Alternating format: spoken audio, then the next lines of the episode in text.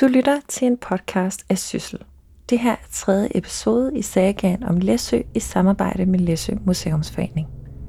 Vi skal tilbage til forliset af prins Friedrich i 1780.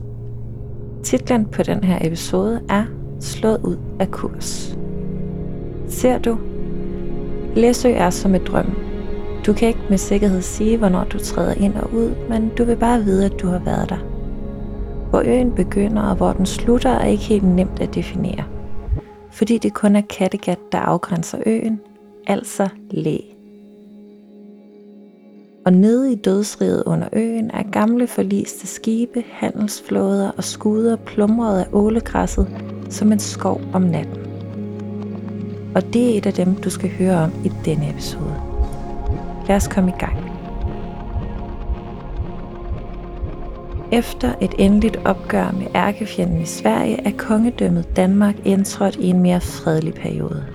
Men alligevel ønsker kongen prestige med en række imponerende skibe, som også har den smarte effekt, at de kan virke afskrækkende på fjenden. Man bygger derfor skibene til krig. Udstyret med tungt artilleri og mandskab og ornamenter, en smuk galionsfigur i stævnen. Sådan et skib forliser en stormsus nat mellem den 28. og 29. september i 1780. Der findes kun domsafsigelsen, som Gert Jul, der er ekspert i skibsfrag, graver frem på Rigsarkivet sammen med sine venner mange år senere, og en af dem kommer du til at møde i den her podcast. Men vi lægger lige ud med at rekonstruere en rejseberetning fra et andet skibsforlis for at sætte scenen. Den er skrevet af C.B. Det var den 2. december 1867. Hele denne dag og den påfølgende nat rasede et frygteligt uvær med storm af nordøst og tykt snefo. Og der mødte øjet et frygteligt syn. Kysten var opfyldt af vrag. Der var sket strandinger rundt om øen. En hel handelsflåde, måske et halvt hundrede skibe, var gået til grunde. Ingen båd kunne komme ud for at bringe frelse til de menneskeliv, der muligvis endnu ikke var udslugte. Altså Læsø og området omkring Læsø var jo dengang meget frygtet af navigatørerne. Jeg hedder Jes Jessen Gliksbøl, og jeg kom til Læsø for 22 år siden og blev direktør for færgeselskabet. Og jeg er selv uddannet søofficer og sejlet undervandsbåde, så jeg har arbejdet med skibe og søfolk og fiskeri i hele mit arbejdsliv. Jes er en punktlig mand. Det er man, når man er kaptajn. Vi sidder i det tårnhus, som hører til Torvald Hansens tårn, øens højeste punkt. Det er sådan lidt kardemommebyagtigt, men alligevel højt nok til, at man kan se det meste af øen. Klokken var blevet to-tre om eftermiddagen. Der sås pludselig en båd med fire mands besætning nærme sig landet. Båden løftes, så at den svæver lodret i den skummende brød. Det varer kun et sekund. Så tumles den videre ind mod land. Nu er de ved brændingen. Gud vær de stakler nådig. To af de forulykkede bringes frelste i land. De to andre er forsvundet i brøden. De havde delt skæbne med de mange derude på den vilde sø. De berettede desuden, at ude i nærheden af deres skib lå flere kendrede fartøjer, og at der på adskillige af disse fandtes levende mennesker, der hurtigt måtte kommes til hjælp, hvis de ikke skulle bukke under. I skal tænke, at de havde jo ikke noget at navigere efter. De kunne se, når de havde landkending, kunne de, og så kunne de prøve at måle den kurs, de sejlede på. De kunne prøve at måle den fart, de havde. Søkort er på den tid betroet ganske få, fordi det er forbundet med stor magtfuldkommenhed at herske over havene, ligesom en person, du har hørt om. Derfor gør man også meget ud af at dække over et skibsforlis. Man skriver dem nærmest ud af historien, indtil Jes og hans venner begynder at grave efter en sag fra krigsret. Jes, hvad, hvad er det for et skib, prins Friedrich? Det er jo et dansk linjeskib, så det forliser i 1780. På daværende tidspunkt var Danmark jo en meget stor søfartsnation, og vi var meget magtfulde, og fordi vi havde jo kontrolleret Øresund og, og bælterne og Kronborg og så videre. Vi havde 20 af den størrelse skibe. Den er 52 meter lang og 14 meter bred og stikker så katastrofalt af 6,3 meter. Linjeskibet Prins Friedrich, Danmarks stolthed, med en besætning på 667 mand. Et stort skib, som vejer omkring 3.000 tons. Det er altså noget af en magtdemonstration, men livet på havet er også omgivet af stor mystik. Skibsforlis hører ikke til sjældenhederne, også når man ser bort fra krige og sørøvere. Skibe er på den tid dødsfælder, der kan kaste alle mand over bord på en gang. Man prøver derfor at værne sig mod ulykker med amuletter, hejfinder og endda albatroshoveder. Og et levn derfra er guldøringen. Hvad søen ønsker, beholder den, siger man. Det leder os tilbage til prins Friedrich. Det er tre master, så det kræver en masse håndkræfter, for, og der var jo 70 kanoner på. Øh, hvis man møder en, man ikke kan lide, så kunne man noget med den. Så det var et, et kæmpe skib. Det er natten mellem den 28. og 29. september. Og prins Friedrich er fra vej oppe fra Norge af og ned øh, sammen med nogle andre marineskibe. Den kommer herned af, og den har en pejling ind til Vika Fyr og et andet sted i Sverige. Så på et tidspunkt der, der vidste de klokken to om eftermiddagen, der vidste de præcis, hvor det var. Det bliver dårligt vejr, og de sejler længere nedad. De, de tror, de ved, hvor de er. Læ er rasende, skulle man tro. Der er cooling, og da solen er på vej ned af luften så tyk og mørk, at det er svært at sigte efter de andre skibe, da de mister herredømmet over kursen. De tror, de ved, hvor de er. Chefen, kommandør, kaptajn Louis, ligger syg i sin kahyt. Han har overgivet ordren til sin næstkommanderende, som nu beordrer alle mand på dæk. Det er en vanskelig situation. Klokken er hen imod 11 om aftenen, da kaptajn Louis beslutter sig for at vende skibet, som sådan uden videre ikke vil lystre. Så støder de grunden, og, og de tror, det er et andet sted, de støder, støder grunden, men øh, de kommer så øh, lidt fri igen, men deres, øh, deres uh, roer er brækket og af, så de kan ikke manøvrere mere, og så går, rammer de grunden igen. De tror, de befinder sig imellem Anholdt og Læsø, men de er gået på grund på sandgrunden ud for Læsø. Nu er kaptajn Louis på dækket, og han overtager kommandoen, men der er ikke meget at gøre. Og øh, de sender så skib ud og begynder at lodde rundt omkring for at finde ud af, er der en vej herude. Normalt gør man det, når øh, så øh, sender man en stor jolle, stor jollen ud med et anker i, kaster ud, og så trækker man sig fri igen. Det kan man gøre. Men så begynder det at blæse op, og øh, så hugger den hårdere, og om morgenen der, der, der, der, der står man relativt fast. men sender en båd ind til land og beder om hjælp. Hvem er æder går med? råbte han og straks stillede Markus Nielsen, Peder Christian Christensen og Lars Bæk Hansen sig ved hans side. Jollen var snart gjort klar til at slæbes ud. Da trådte N.T. Poulsen hen til birkedommeren, der var til stede. Jeg og de andre mænd her våge vort liv. Går det tabt, så er det vort eget, og hans beslutning var fattet. Den stod fast og lod sig ikke mere rokke, skønt havet vedblev at være i stærkt oprør, og vinden blæste stik imod. Jeg og de andre mænd her våge vort liv, sagde han. Går det tabt, så er det vort eget. Vi kunne ofre det, om vi ville. Men jollen her, med den er det en anden sag. På den hviler en hel families erhverv. Hvem vil erstatte den, hvis den går til grunde? Det vil jeg, svarede birkedommeren. Hør det, alle i gode mænd. Hvis båden skulle lide skade, eller hvis Gud forbyde det, gå tabt, derinde står jeg for fuld erstatning. Der er jo sådan set rimelig ro øh, der øh, om formiddagen, men så blæser det op, og det blæser meget op. Så lige pludselig så begynder nogle af skibsplankerne at flyde rundt omkring. Øh, skibet bliver vandfyldt, og øh, øh, øh der kommer nogle både ud inden for landet, til 12 både, øh, men de må vende om igen. Øh, der opstår panik ombord, løjtnanter sammen med nogen, de hopper ned i storebåden og sejler ind til Læsø, uden at have fået ordre på det. Og øh, øh, der er kaos ombord. Kuglingen bliver til en flyvende storm, og da mandskabet ser plankerne drive omkring, flygter nogle af løjtnanterne i land. Klokken var blevet 4-5, da jollen sattes ud. Den nåede lykkeligt igennem brændingen, og det var på høje tid, at hjælpen kom. Den kunne kun ydes med livsfare, men forsøget kronedes med held. Det bliver nat, og natten igennem lyder jævnlige nødskud. Klokken 8 næste morgen bliver en officer kommanderet i land for at hente hjælp. Og man ser fire af seks både komme sejlende fra land for at lægge sig op af skibet. Men de må vende om, og bølgerne bliver hårdere. Skiberen vidste ikke selv, hvorledes hans redning var tilgået. Hans lidelser og dødsangst var dengang overstandende. Han sad i vandet og drømte en dejlig drøm. Matrosen havde derimod allerede passeret drømmenes rige og var ved indgangen til dødens.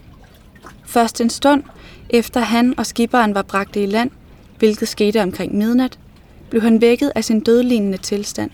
Man øh, tager noget master ned, og så er næste dags formiddag, der løjer det af, og der kommer så øh, både ud fra Læsø. Og de kan i første omgang tage omkring ved en 400-500 mennesker med i land. Og det er jo imponerende i sig selv, at man, der, er jo, ikke, der er jo ingen havn på Læsø, der, der var en tidspunkt. Næppe var jollen kommet i land, før end et skinnende lys jagtoges i retningen af de nysforladte vrag. De brave redningsmænds værk var endnu ikke fuldført. Og skønt trætte og forfrosne, satte de anden gang ud og kom lykkeligt over brændingen. De vedblev at sejle omkring hele natten. De ledte mellem grunde og vragstykker, men alt forgæves. Intet lys og intet menneskeliv var at opdage. Derimod fandt de en drivende båd med livet af to sømænd, som de tog på slæb. Og alle vegne, rundt omkring, drev større og mindre vragstykker, der tydede på almindelig død og undergang. Med anstrengelse klatrede et par af jollens mandskab ombord i skibet, hvor fire mand fandtes i en højst lidende tilstand, så at de med nød kunne bringes ned i jollen. Det var denne båd med de to lig, som jollens mandskab havde fundet om natten.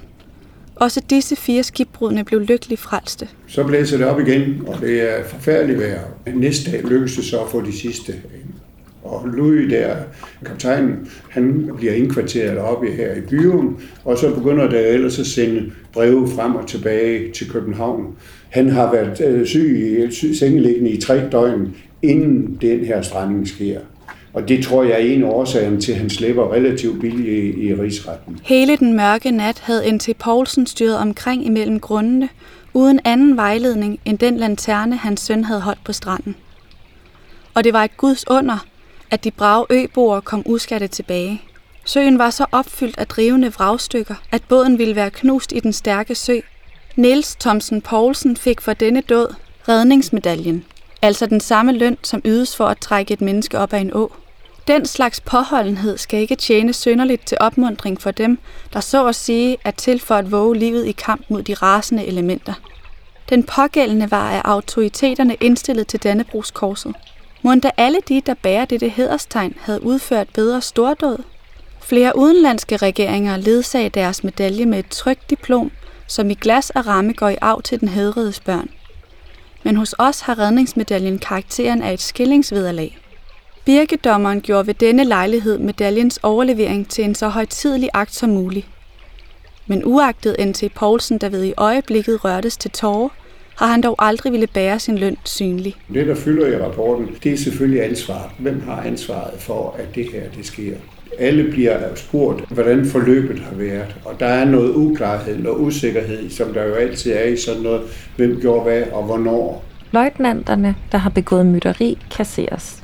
De benådes dog, men degraderes. Overstyrmanden får med andre ord skylden. Måske det, de har set, er den fremmede sømand, der lige bleg driver rundt med sin tavle, hvorpå han skriver, styr nordøst til øst.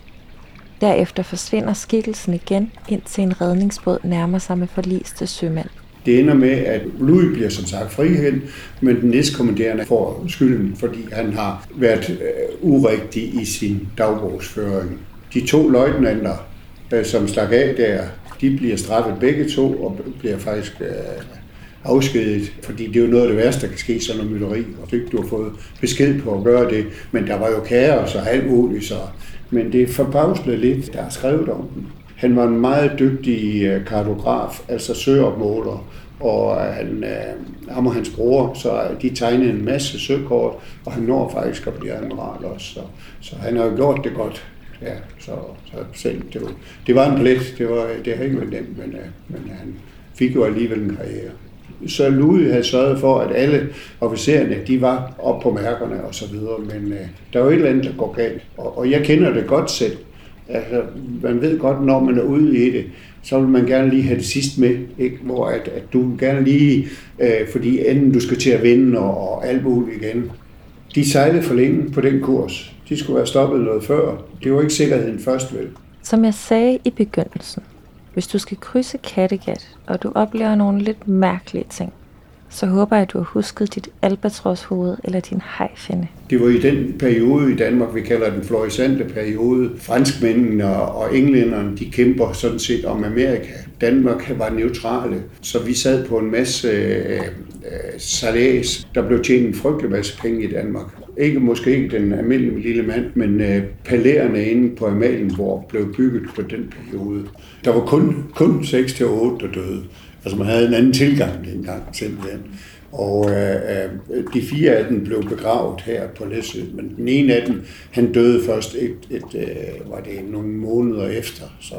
Og inden da nåede han at blive udlagt som barnefar. Men det kunne jo være, at han havde taget den chance for en anden. Så børn, der er skrevet ind i kirkebogen som uægte børn, hvor er, at fædrene er tillagt nogle besætningsmedlemmer på, øh, på, på prins Frederik. Den ene af dem har endda været så flittig, så han står som far til to af dem. Så. Det er rent faktisk, så øh, øh, har jeg været inde og prøvet at kigge og finde ud af, hvem de uægte børn der, om der var nogen, der levede på Læsø nu. Og det var der altså indtil for 10 år siden. Der var der en, der hed Bernd Christensen, en meget ivrig fotograf. Han var den sidste efterkommer på Læsø. Så 6-8 dør i prins Friedrichs skibsforlis. Og noget tyder på, at faderskaberne ikke er, hvad de giver sig ud for og den sidste efterkommer er så død for nylig. Der er masser af vrager rundt omkring Læsø. Masser af vrag af, og alle aldre. Vi tror faktisk, at, at man har forsøgt at holde skjult i samtiden, fordi det var betød noget militærstrategisk, at man havde sat sådan en til. Men, øh, men i og med, at, at uh, krigsretssagen bliver fundet, så, så, så får vi jo dokumenteret hele forløbet af, øh, af strandingen på Læsø. Og faktisk var det sådan, at i 1720, da mændene for alvor var taget til søs, næsten samtidig, der kan vi se, at fra at man havde lagt tang op på husene som sådan noget løs tang, så kunne vi lige pludselig genfinde en teknik, hvor man begynder at lave vasker. Det her er Lilian, direktør for Læsø Tangtag AS. Ligesom når kvinder de har spundet uld, så øh, hvor, hvor man sådan arbejder med det og trækker det ud i en tråd, præcis lige sådan laver man de her vasker, som vi lægger på vores tanghus i dag. Så vi er jo sådan lidt friske, og så oversætter vi det til, at det er noget, kvinderne har fundet på. Nød lærer efter sine nøgen kvinde at spinde. Det kan, også, det kan vi jo bevise, men, men det er i hvert fald et stærkt sammenfald på det. Det er på det tidspunkt, hvor de kommer ind og bliver hovedaktøren i byggeriet. Jamen, jeg hedder Lilian, og jeg arbejder med tanktagsprojektet på Læsø øh, som den stedlige koordinator. Og så er jeg direktør noget, der hedder Læsø Tanktag, som er verdens mindste selskab, der er stiftet for at købe tang hjem og administrere nogle penge, vi har fået af på Læsø til sit tankhusene i stand. Jeg kender en lille historie ude fra Østerby, fordi nu har vi samarbejdet med en slægtsforsker, der hedder Kurt Dahl, som er rigtig dygtig til at hjælpe os med at finde ud af, hvordan har det egentlig været med de mennesker, der flyttede herud, og hvorfor gjorde de det og sådan noget. Så da man, da man ligesom var færdig med at syde salt og skulle finde sig et nyt livsgrundlag, det var sådan første gang, hvor jeg kan se, hvor innovativ man faktisk har været, hvor omstillingsparat man hele tiden har været. Og det er virkelig en fællestrækket ved hele historien op til i dag, at når man har mødt en udfordring eller en mulighed slippe op, så er man allerede i gang med at skabe en ny vej at leve. Og når det så har noget med tankhusene at gøre, så er det fordi, de er jo bygget hele den periode.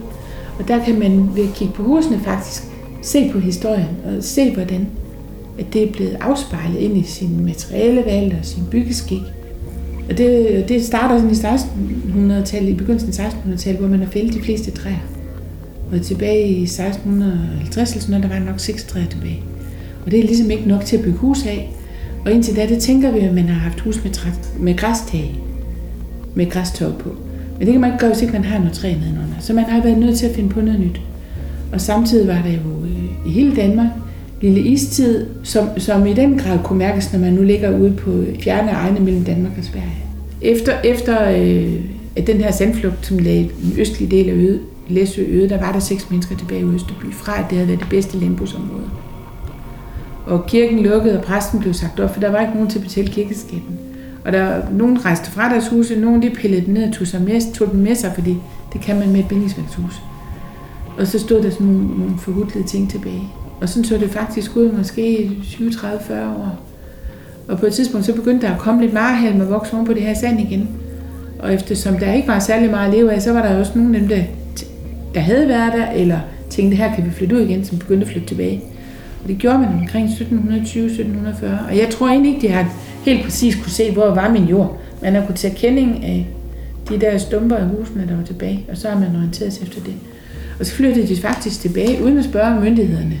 Der var jo ellers en landfod, der godt ville være med. Og så tog de sig et stykke jord. Nogle gange spurgte de den for, ejer, har du noget imod det? Han sagde, det kan du bare gøre her, jeg skal ikke tilbage hertil. Jeg, ved ikke, jeg har ikke nogen eksempler på, at de har handlet indbyrdes. Andre gange så flyttede de bare tilbage, tog sig et stykke jord og begyndte at dyrke det op. Og landfoden han kom og sagde, du skal betale skat.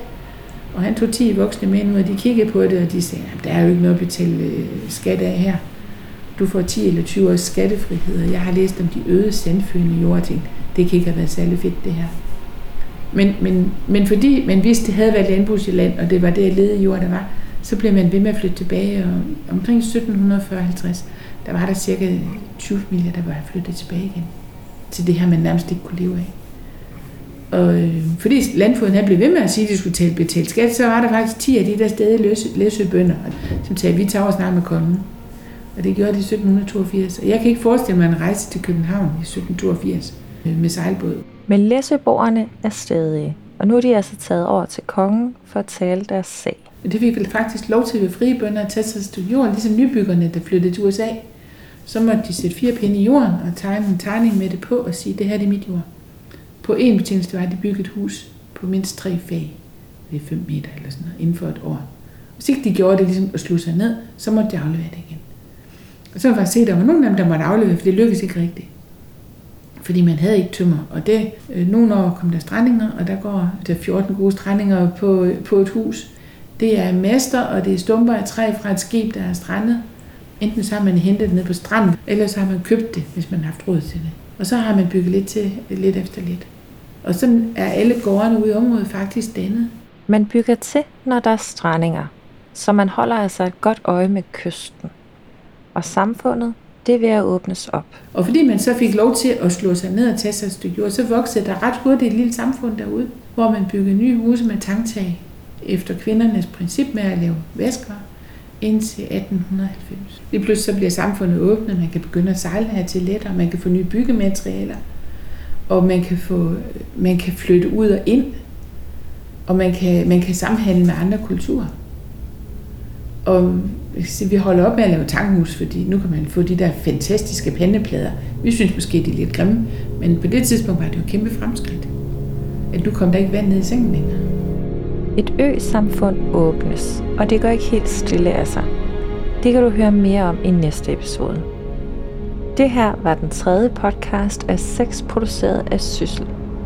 En stor tak til Jes Jessen Kliksbøl og Lilian Christensen.